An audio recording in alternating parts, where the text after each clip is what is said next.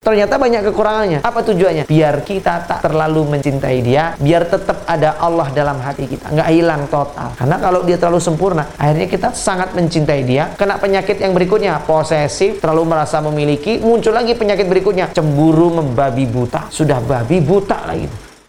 Assalamualaikum warahmatullahi wabarakatuh. Sahabat teras dakwah yang dirahmati Allah, dicintai Allah Subhanahu wa taala. Alhamdulillah wa syukurillah kita jumpa lagi nih kita dalam uh, diskusi ini. Taib ya, apa yang perlu saya sampaikan di kesempatan kali ini? Kalau kemarin kita sudah bahas ya di perjumpaan yang pertama, itu kita sudah bahas tentang menjemput jodoh, kiat cepat menjemput jodoh dan apa itu penghalang-penghalang jodoh.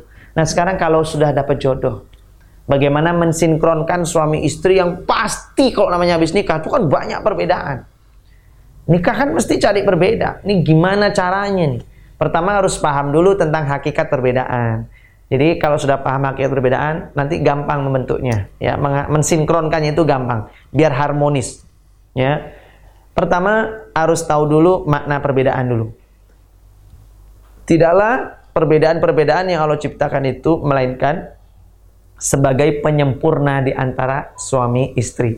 Makanya Allah menyebut dalam surat Al-Baqarah, hunna libasulakum wa antum libasulahun. Al-Baqarah 187. Hunna libasulakum wa antum libasulahun. Hunna dia istrimu adalah pakaian bagi kamu dan kamu pun pakaian buat dia. Artinya namanya pakaian saling menyempurnakan, saling nutupi kekurangan. Itulah dia manfaat dari apa? Pernikahan. Makanya nikah itu kalau pasangan kita beda, alhamdulillah Kenapa? Kekurangan saya insya Allah akan ditutupi oleh dia. Sehingga saya jadi orang yang lebih sempurna sekarang. Tapi kalau nyari yang sama, kan kadang-kadang orang nikah itu benar-benar nyari yang klik ya. Ini menurut saya, yang paling kita cari itu yang paling pertama kan agama, udah pastilah ya kalau agama yang soleh-soleha. Yang kedua, cari klik itu di komunikasi. Yang paling penting nikah itu mencari calon itu yang kalau diajak ngomong nyambung.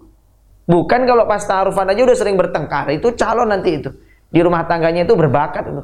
Bakat apa ya? Bakat bertengkar. Kenapa? Karena pas taruhnya udah biasa, sudah apa ya? familiar gitu ya bertengkar. Jadinya pas udah nikah bertengkar tuh luas mereka. Kenapa luas? Karena pas taruh udah sering bertengkar. Ini salah. Kalau pas taruh yang perlu kita cermati dan perlu menjadi perhatian khusus itu apanya coba?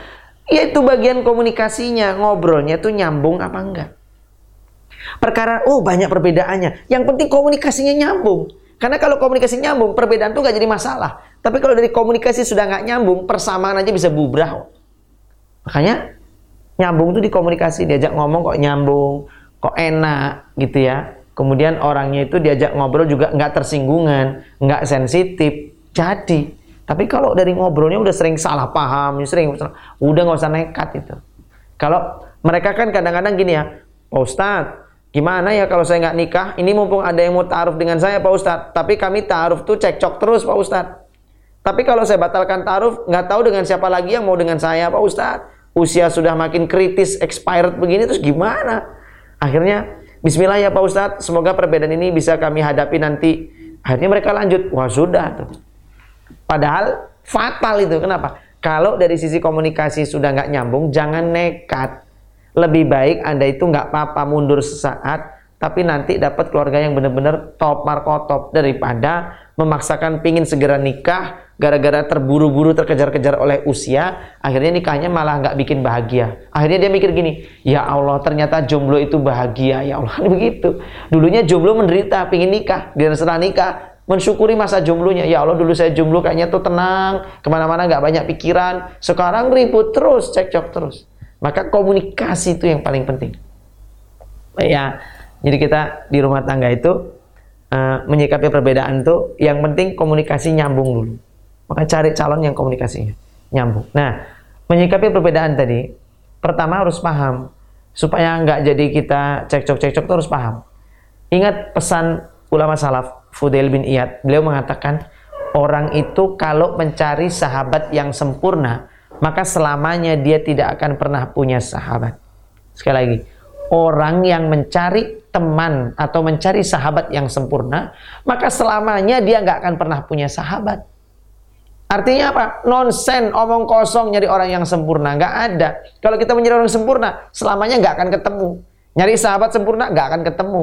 Nyari jodoh sempurna pun sama nggak akan pernah ketemu. Nah oleh karena itu apa? Kalau jodoh kita nggak sempurna itu ya berarti kita ini diutus oleh Allah untuk menyempurnakan kekurangan dia. Pahami itu dulu.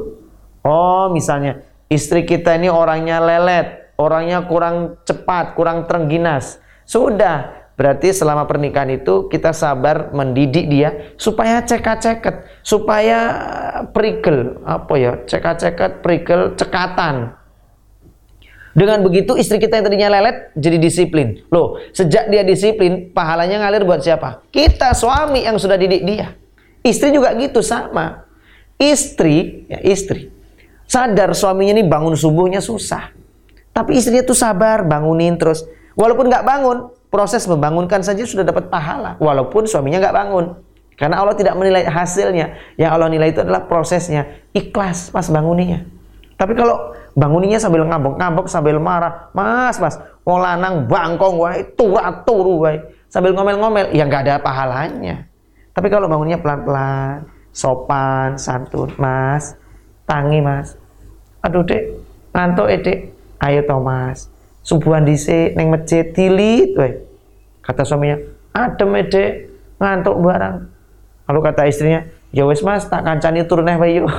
Kalau istrinya nemeni lagi tidur ya nggak dapat pahalanya. Sabar aja terus bangunin, bangunin. Kalau sampai suaminya berubah, terus akhirnya suaminya jadi rajin sholat subuh, pahalanya ngalir ke siapa coba? Selain suaminya dapat pahala, istrinya tuh yang dulu berhasil pelan-pelan merubah suaminya sampai akhirnya bisa sholat seizin Allah, pahalanya ngalir ke istri. Namanya pahala jariah. Amal jariah itu begitu. Nah, oleh karena itu, nikah itu pasti ada ketemu perbedaan. Nah, perbedaan itulah berarti Allah sedang membuka pintu-pintu pahala jariah. Pahami itu sebagai pintu jariah, pintu jariah, pintu jariah. Nah, perbedaan itu dalam rumah tangga harus dipahami lagi yang kedua. Apa itu? Supaya kita nggak sombong. Kenapa kok pasangan kita beda ya? Kok banyak kita anggap banyak kekurangannya? Ya biar kita nggak sombong. Kan ada tuh orang yang membanggakan pasangannya, nyombong, pamer di medsos. Padahal banyak kekurangannya. Nah, menyadari kekurangan itu supaya kita nggak terlalu pamer. Supaya kita nggak terlalu bangga dengan pasangan kita. Dapat yang sempurna. Karena kalau dapat yang sempurna, kita bisa sombong, jumawa. Maka Allah kasih dia ada kekurangan-kekurangannya. Yang ketiga, harus dipahami. Kekurangan pasangan kita itu supaya kita tidak berlebih-lebihan mencintai dia. Pas sebelum nikah memang kelihatannya sempurna. Habis nikah, ya Allah, ternyata keruak sana, keruak sini. Tahu ya, the keruak itu. Keruak itu kayak ada kropos sana, kropos sini. Kekurangannya ternyata banyak. Dulu pas nikah kayaknya bagus-bagus, sempurna. Wanita ideal kayak yang di majalah-majalah. Kira-kira kalau kita ngelihat dia tuh kenapa kita milih ahwat ini? Karena mungkin kayak selebgram gitulah kira-kira. Kayaknya perfect aja gitu. Ternyata banyak kekurangannya. Apa tujuannya? Biar kita tak terlalu mencintai dia, biar tetap ada Allah dalam hati kita, nggak hilang total. Karena kalau dia terlalu sempurna, akhirnya kita sangat mencintai dia, kena penyakit yang berikutnya, posesif, terlalu merasa memiliki, muncul lagi penyakit berikutnya, cemburu membabi buta. Sudah babi buta lagi. Cemburu, akhirnya kita tersiksa sendiri dengan pasangan yang terlalu sempurna. Pasangan yang ada kekurangannya membuat kita kehilangan pun siap. Kan begitu ya. Nah, cinta nggak terlalu berlebih-lebihan. Yaitu hikmah-hikmah. Maka kita harus tahu dulu nih dalam rumah tangga hikmah perbedaan itu. Terus biar harmonis gimana Pak Ustadz? Pertama, bertahan dulu di empat tahun pertama.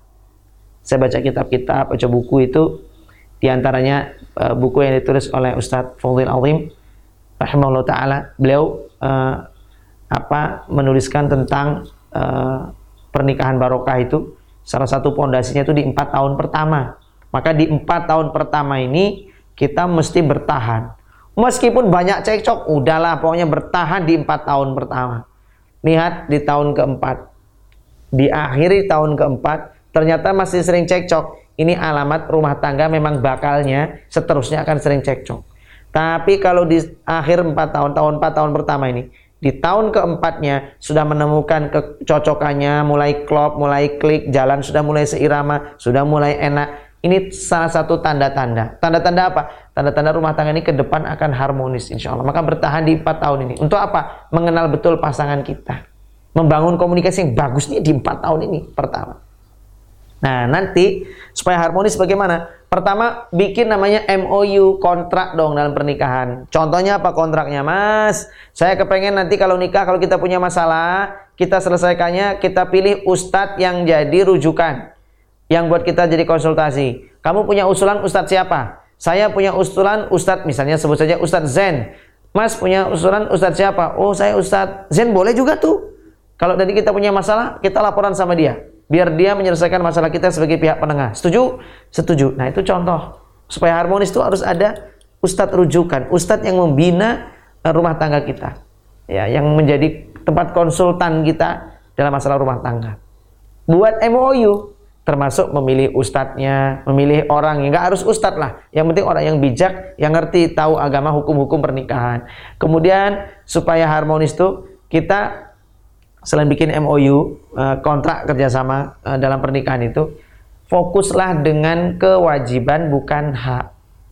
Rumah tangga itu sering kacau berantakan. Kenapa? Karena fokus dengan hak bukan dengan kewajiban. Nah kita ini mesti mikir kewajiban kita apa?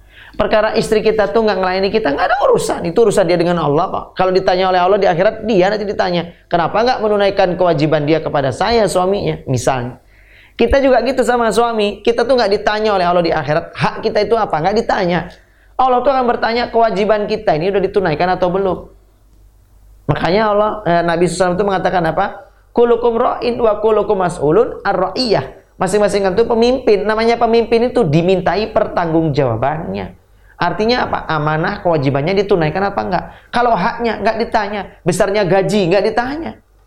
Nah, karena itu teman-teman semua, nikah tuh kalau ingin harmonis, itu fokuslah kita dengan kewajiban. Fokus memberi. Jangan fokus sama hak atau jangan sering menuntut menuntut. Udahlah, nggak usah banyak nuntut. Nah, supaya harmonis berikutnya apa? Saling menutupi aib. Jangan suka perang medsos. Ini pasnya paling gedek nih kalau ngelihat ada ikhwan akhwat suami istri. Mereka itu karena komunikasinya nggak bagus, akhirnya komunikasinya lewat medsos. Suaminya nyindir lewat apa? Medsos. Ya Allah, berikan nulis di status tuh. Entah di FB, Instagram, WhatsApp, tulis statusnya. Rob, jadikanlah aku suami yang sabar ya Allah, yang sabar, yang sabar ya Allah. Kan istri tersinggung, waduh, suami saya kok doanya yang sabar-sabar. Langsung istri mikir, ini pasti orang-orang suzon sama saya. Langsung istrinya nulis status balasan. Ya Allah, ya Rob, jadikanlah aku istri yang lebih sabar dari suami saya ya Allah. Lebih sabar dari dia ya Allah. Lebih sabar ya Allah. Begitu hanya perang. Is, suami yang lihat gak terima lagi nulis lagi. Eh, perang status nanti. Ya Allah Rob kapan istri saya meninggal? Tulisnya begitu. Istri balas lagi Rob segerakan suami saya. Ay tempurlah dia di status. Nah oleh karena itu punya masalah tuh jangan perang status jangan buka aib di status jangan buka aib di teman-teman di mana jangan Hunna libasulakum wa antum libasulakum. Karena kan pakaian itu saling nutupi, maka aib itu saling menutupi. Man satara muslimah fid dunya satara yaumil qiyamah. Orang yang menutup aib orang lain, Allah akan tutup aib-aibnya nanti di yaumil qiyamah, yaumil akhir nanti. Kita ini masing-masing punya aib yang tersembunyi, yang Allah tutupi, yang menjadikan Allah itu masih mencintai kita. Itu kenapa Allah tutupi aib kita. Gak kepingin lah aib ini nanti di akhirat dibuka. Pingin kita, Allah sudah menghapus aib kita dan di akhirat gak dibungkit-ungkit. Nah, caranya bagaimana? Gemarlah nutupi aib orang lain. Paham kan? Nah, termasuk pasangan kita. Supaya dia tetap berwibawa di depan orang tua, di depan mertua, tutupi aibnya. Istri, pasangan kita sama, tutupi aibnya. Makanya saya sering bilang, kenapa ada mertua cekcok dengan anak menantu? Itu karena ibu mertua itu terlalu banyak melihat aib anak menantunya Menantu juga begitu, sering melihat aib-aib mertuanya. Nah, makanya harus saling nutupi, saling nutupi, nutupi, nutupi. Jangan sampai ini dicerita-ceritakan. Misalnya hidupnya lagi susah, rezekinya sempit, seret. Terus si istri curhatnya sama ayahnya, ya suamiku anu ya bokek, nggak punya duit ya, mau pinjam duit sama ayah malu, punya solusi nggak ya? Bilang ke ayahnya, lama-lama ayahnya ini mangkel juga, Kenapa? Anakku kayak ditelantarkan. Akhirnya bapaknya benci. Udah nak, kamu tinggal aja sama bapak sini biar suamimu fokus kerja. Kalau udah sukses baru nanti kalian campur lagi. Akhirnya intervensi orang tua masuk tuh. Makanya saling tutupi aib. Biar harmonis nih. Resep berikutnya biar harmonis apa? Punya panggilan kesayangan gitu loh. Kalau udah nikah tuh harus punya panggilan kesayangan. Panggil dia cinta, panggil dia sayang, panggil dia abang, panggil adek, panggil apalah terserah panggilan-panggilan kesayangan. Dan yang terakhir, ada yang namanya itu menegakkan syariat di rumah. Jadi kalau pingin harmonis tapi syariatnya ditegakkan, bohong, omong kosong. Apa itu syariatnya? Macam-macam lah. Di antaranya memperhatikan yang dua ini. Bab sholat sama bab Quran.